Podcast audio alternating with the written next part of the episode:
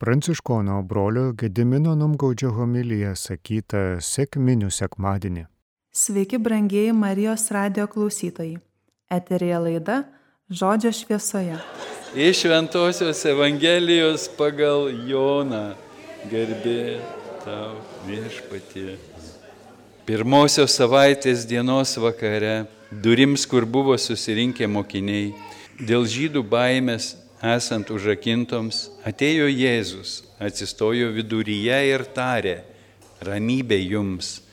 Tai pasakęs jis parodė jiems rankas ir šoną.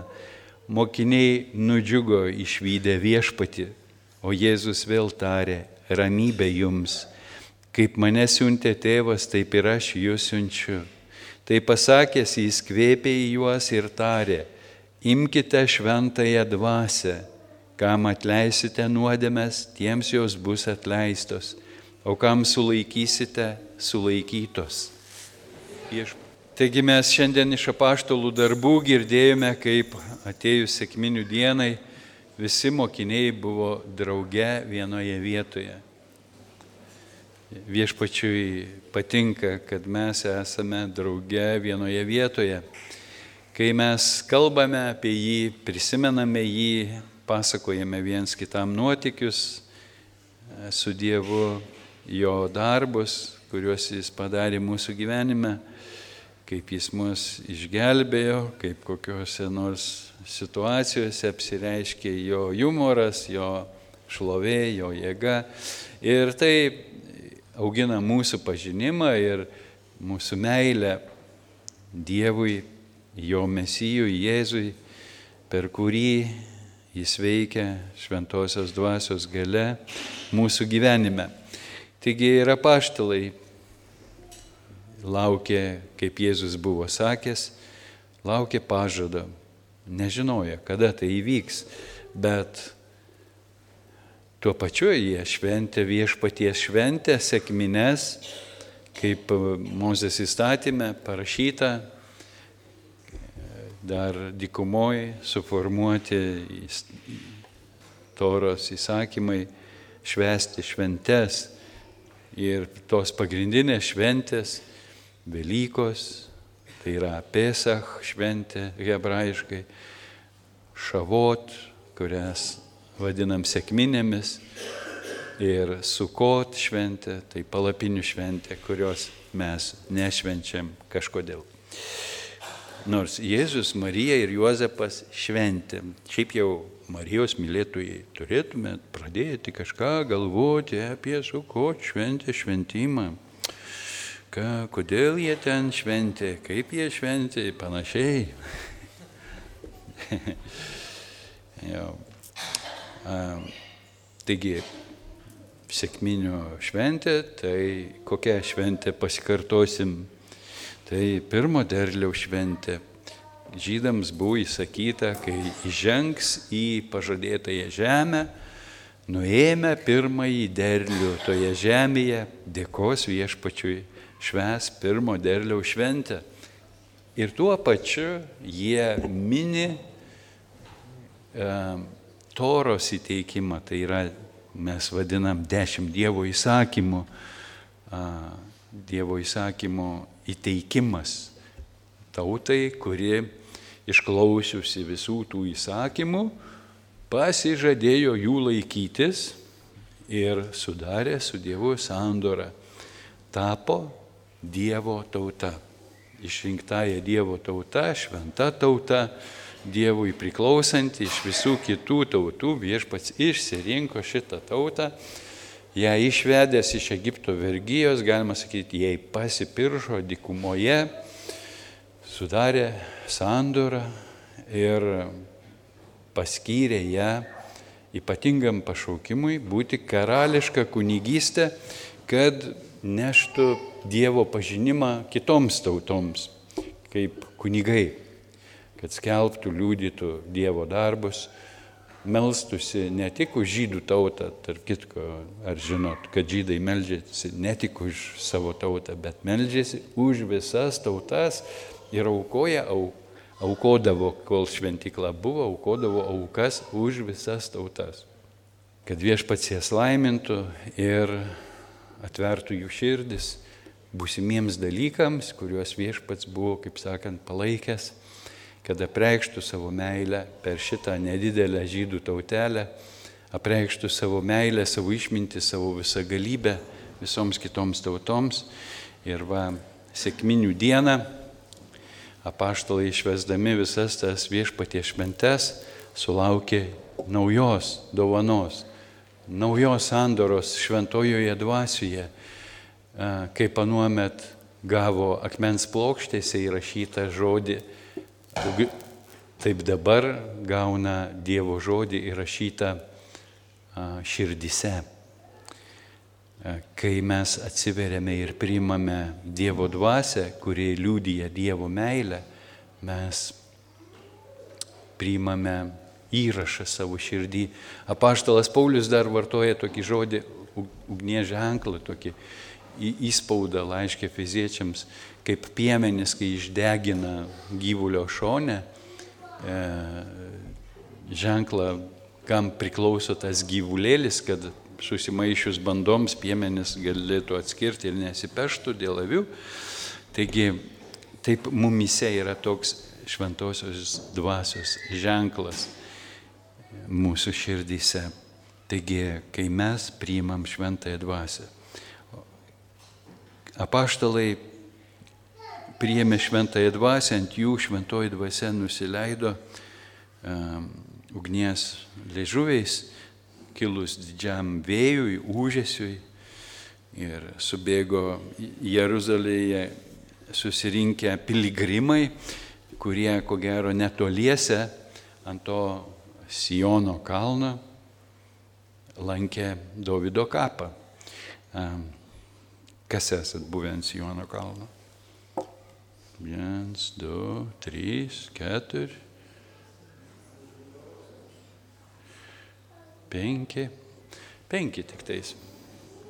Taigi ten yra Jeruzalės senamestis aptvertas didelė mūrinė tvora ir šalia yra tokia kalvelė, nedidelė žiūrint nuo Lyvų kalno, palyginus nedidelė kalvelė, Zijono kalno vat, viršūnė, nes slėniai prisipildė ir tas kalnas labai palaipsniui palaipsniui kyla, ten, vien žodžiu, mums Jeruzalė atvykus žvalgomės, kur tas Jono kalnas, o čia tik kalvelė.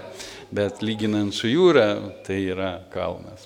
Nebeprisimenu, kiek skiriasi. Bent nuo Jericho ten, nežinau, bent jau temperatūra 10-15 laipsnių skirtumas, kaip sakant. Vėsiau Jeruzalė, gerokai vėsiau. Tai va, ir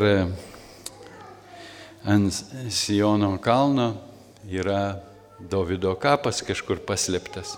Ir ten piligrimai, kurie švenčia mm, šavo šventę, lanko tą Davido kapą. Abuvot Davido kape. Nu, dabar toks butaforinis, ten sinagoga, iš vienos pusės moterims atitverta, iš kitos pusės vyrams atitverta. Ir ten judėjimas, ypač šabo vakare, penktadienį, tai šniūrais ten turėjau vat laimę per vienas sėkmines visą savaitę gyventi Jeruzalėje ir stebėti tą kalną, eidavau ten melstis. Ir visokiausių rūšių žydeliai su visokiausiam skrybelėm, pagal kurias atskiria kas iš kokios sinagogos pagal mėgstas kepuraitės ir viena ten tokia bendruomenė didelė, amžinai džiugaujanti baltais rūbais besipuošianti, kaip čigonai, kaip hipiai kokie. taip apsirengę ir taip visą laiką linksmi, atrodo, kad ko nors būtų išgėrę ar užrūkę. E, visą laiką linksmi, su bugneliais šoka, dainuoja jie ten ir palapinės pasistato šventės šavot šventę švenčiant Sinajaus kalno, tokia turi savo didelę teritoriją, gyvena visą savaitę palapinėse, piligrimai, va, labai linksma. A, taigi jie lanko Davido kapą, nes pagal legendą Davidas mirė ir gimė per šavot šventę ir todėl jie lanko jo kapą, prisimindami ir melzdami Dievą, kad būtų atstatyta Davido padangtė, kad Izraelis vėl sugrįžtų į Dievo šlovę. Ir todėl mes sėkminių dieną girdime paštalą Paulių, pamokslaujantį apie karalių Dovydą. Va tiems Dovido fanams, jiems buvo labai, kaip sakant, aktualus pamokslas, kuo Dovydas tikėjo ir ką jie pražiopsojo. Taigi, kas čia įvyko, visi pasidarė pilni šventosios dvasios ir pradėjo kalbėti kitomis kalbomis, kaip dvasia jiems davė prabilti. Ugnies liežuviai, užėsys, kalbėjimas kalbomis, dievų garbinimas ir šlovinimas, džiaugsmas. Tokie ženklai lydi sėkminių šventę. Tarp kitko, ar vakar, kas mes vigiliją vakar šventėm nuo 4 iki pusę 11, ne? E, pradžioje vaišinomės, paskui liūdėjimai buvo ir buvo vieno sėkminininko liūdėjimas iš Ukrainos, jo senelis. Taigi, kaip jie įtikėjo Evangeliją, misionierių skelbimą ir kaip, vat viena detalė man patiko.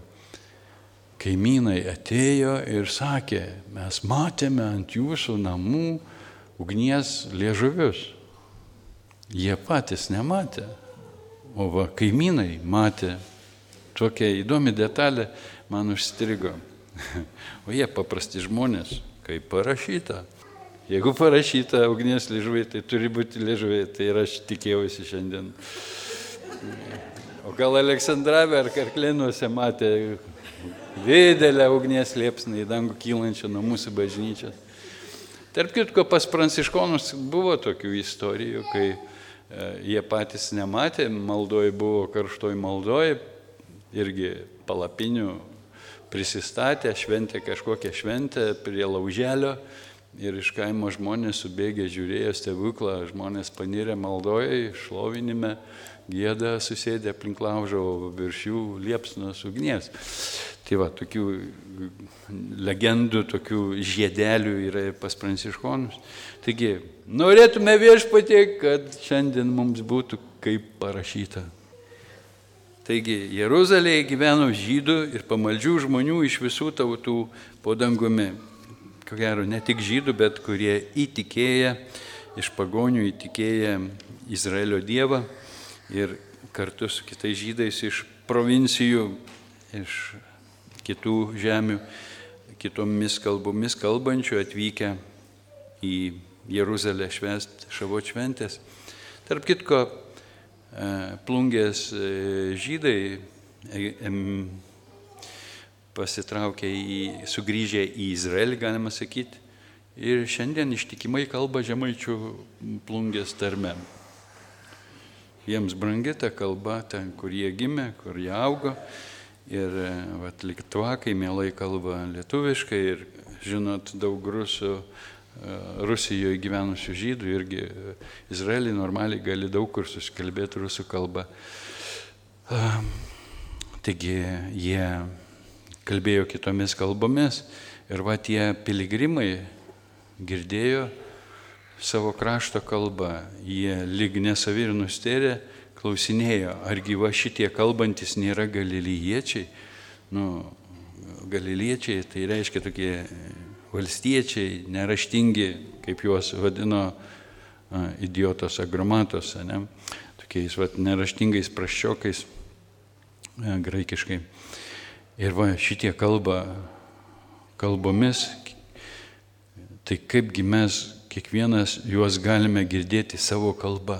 Mes partai medai, elamiečiai, Mezopotamijos, Judėjos ir Kapadokijos, Fonto ir Azijos, Frigijos ir Pamfėlijos, Egipto bei Libijos pakraščio ties Kirėnė gyventojai, ateiviai romėnai, žydai ir prozelitai, kretiečiai ir arabai, mes visi girdime juos skelbiant įstabius Dievo darbus mūsų kalbomis. Taigi toks vat stebuklas įvyko sėkminių dieną apaštalai kalbėjo kalbomis, juos suprato tą kartą. Šiandien yra nemažai žmonių, kurie kalba kalbomis, tikime, kad tai yra šventosios dvasios dovana, bet jie nesupranta, ką sako, bet tiki, kad šventoji dvasia meldžiasi jų lūpomis neišsakomais maldavimais, kam pritrūksta mūsų įprastų žodžių, tam santykiui su Dievu išreikšti, įsijungia vat, kažkoks toks mechanizmas, kalbėjimas kitomis kalbomis, šlovinimas kitomis kalbomis ir kažkur neša, ir kažkas kažkokius galbūt e, patiria supratimus naujus, išvalgas. Man tai asmeniškai kalbų dovana padeda prasimušti e, tokiam abejingume, e, atsistoti tikėjime prieš viešpati, įkvepia, uždega tokią maldos dvasę, maldos ugnį. O kartais ateina, kalbant kalbomis, tam tikri supratimai. Negirdžiu žodžių konkrečių, bet ateina supratimai, kalbant kalbomis apie kažkokią situaciją ar dar kažką, tarsi pranašystė ar kažkokią viziją. Tai va, kiekvienam labai skirtingai, mm, kitas prieina, tik paburbuliuoja kažką kalbomis žiūrėk, jau kitas važiuoja žemyn, girtas pagirdytas Dievo dvasia, kaip ir čia sėkminių dieną paštalams teko teisintis. Kai kurie įvertinę situaciją sakė, jie girti, jie prisigėrė jauno vyno, apaštalas teisinosi, kad dar trečia valanda, dar kioskelį netidaryti, bet kad čia išsipildė Dievo pažadas. Tai va, ir mes norime, kad mumise išsipildytų tas Dievo pažadas. Bet šiandien aš norėčiau išgryninti intenciją. Galbūt pirmą kartą iš tai, apie tai išgirdus ir pamačius, kas vyksta, gali pas mus kilti toks noras kaip pas Simoną. Prisimenat tokį burtininką, kur jis buvo, palauk, kokiam mieste buvo. Mm, kažkur Izraeliai. Ne Jeruzalėje kažkokiam samariečių mieste, pas samariečius. Reiškėsi burtininkas Simonas, buvo visą miestelį užbūrę savo kerais, visi ten juo įtikėję, didžiuoju jį ten vadino kažkokiu. Va, bet kai ten atėjo Pilypas ir paskelbė Evangeliją, daugybė žmonių įtikėjo ir buvo pakrikštyti. Ir Simonas tas burtininkas irgi tarp jų irgi įtikėjo ir pasikrikštėjo. Bet dar iki galo, kaip sakant, nesuprato dalykų. Ir kai Petras ten su apaštalais atvyko, su Jonu Berods, ir dėjo rankas, pasimeldė už tuos pakrikštytuosius, ant jų nužengė šventoji dvasia. Jie, ko gero, pradėjo kalbėti kalbomis, šlovino viešpati. Dažnai Biblijai sunku suprasti, šlovinti viešpatį, gali būti tolygų kalbėti kalbomis, kaip pavyzdžiui pas Kornelijui panašiai, arba persipinę tie dalykai. Nu va, ir Šimonas pamatęs tokius dalykus, apaštalai deda rankas ir žmonės keičiasi, įgauna galių kažkokių, pranašauja, šlovina viešpatį, džiaugsmas pripildo ir, ir jis užsinorėjo tos dovanos. Ne? Užsinorėjo tos dovanos negali atsistebėti, o tai čia kiet vyrai, čia jau perspėjo Simoną, kaip sakant, su jo kerais. Ir jis pasiūlė jiems pinigų, kad jie parduotų jam tą galę teikti šventąją dvasę. Ir apaštalas Petras jį labai išbarė taip, kad jis meldėsi, broliai, melskitės už mane, kad taip neatsitiktų, kaip jūs čia man viską susakėt. Prakeikė jo tą sidabrą ir visą kitą ir pagrasino, kad jo laukia baisi bausmė. O prisimenat, buvo dar kita šeiminėlė vyras su žmona, kur pardavė nuosavybę ir, ir dalį savo pasilaikė, bet bendruomeniai vat, prisistatė, kad vat, čia jau viską atiduoda jie. Petras paklausė, tikrai čia visi? Jo, jo, visi. Kaip ten buvo vardas to vaikėjo? Kaip? Ananijas ir Safyra. Taigi ir Petras sako, kam jūs sugalvojate šventąją dvasę apgaudinėti, juk jūs galėjote savo pasilaikyti tą nuosavybę, galėjote savo pasilaikyti beliekiek pinigų, kam jūs apgaudinėjat, ko jie siekia, gal norėjo pasirodyti labai kieti bendruomeniai, gal norėjo kokio vadovaujančio posto ar dar kažko. Jų širdies intencija buvo netyra, netyra širdis. Ir va, apgaudinėjimas bendruomenės apaštalas prilygino, apgaud, kad apgaudinė meluojama šventai dvasiai. Ir krito negyvas žmonelė atėjo ir Petras klausė, už kiek pardavėte, už tiek, už tiek.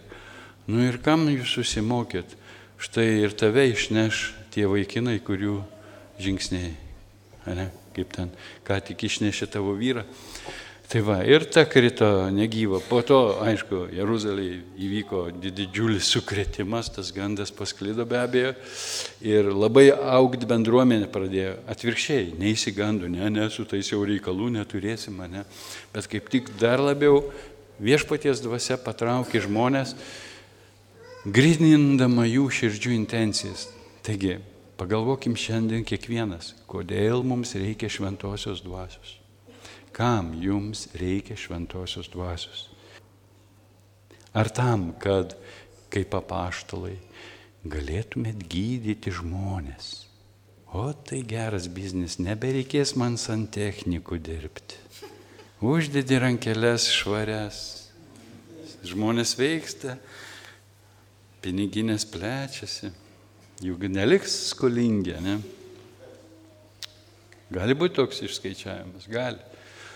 Arba, o noriu pamokslauti, kaip ten Jonas koks ir panašiai.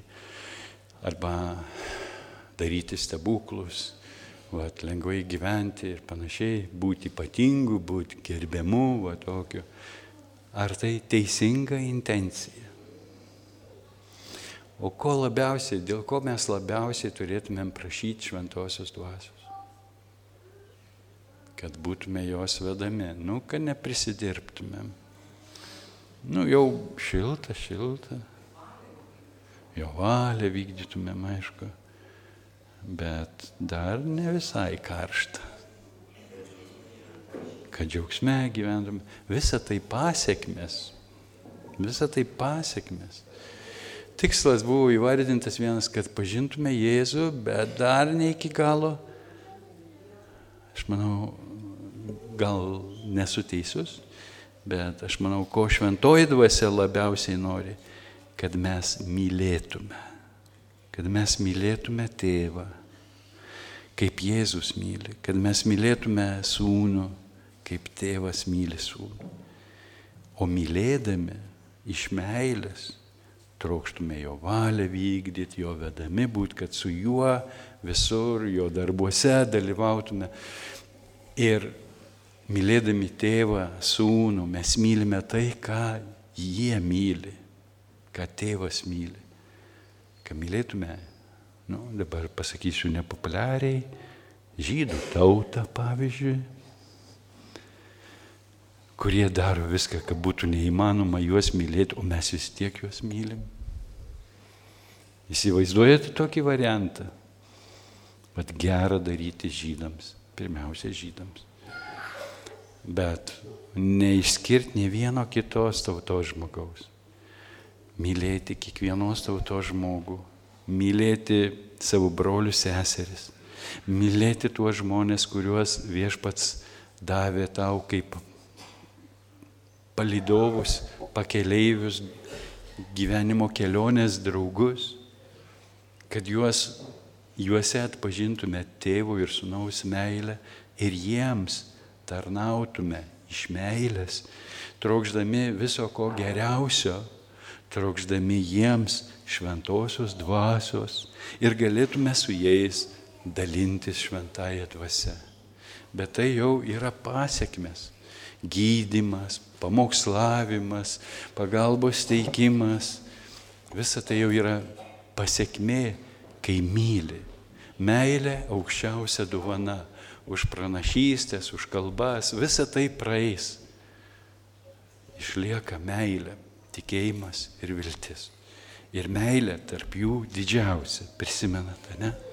Todėl mes labiausiai turėtume trokšti šventosios dvasios meilės dvasios, kad turėtume jėgų mylėti Jėzų visą širdimi, visų protų, visomis jėgomis, mylėti tėvą, kaip Jėzus myli tėvą ir būtume paklusnus tėvui, jo valią vykdytume kaip Jėzus.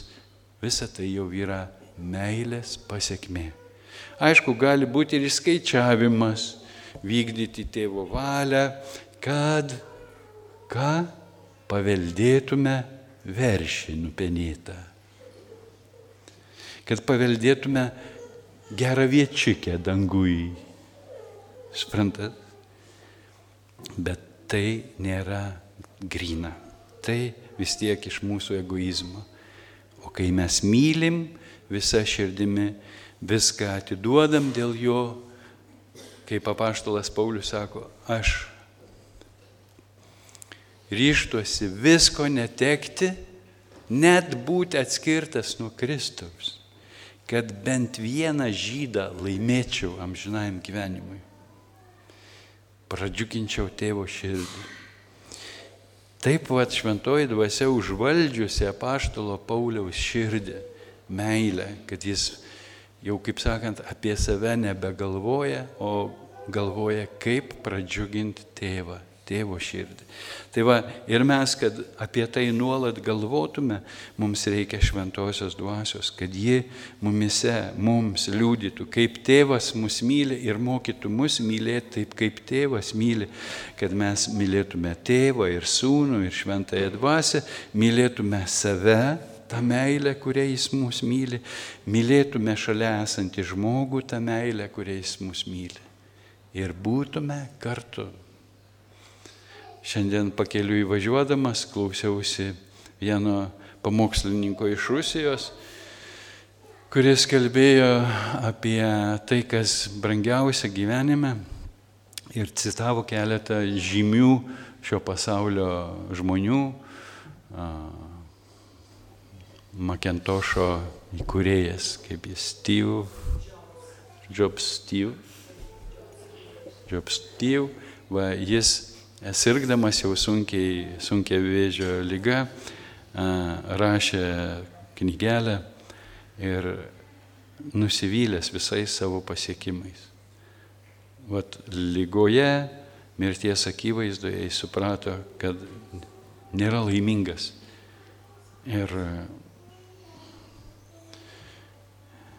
kitiems nori pasakyti, jauniems, kad labiausiai brangintų gyvenime ne mokslo, verslo pasiekimus, mm, garbės, valdžios pasiekimus, bet savo šeimą, santykius, draugystę, tarpusavio meilę.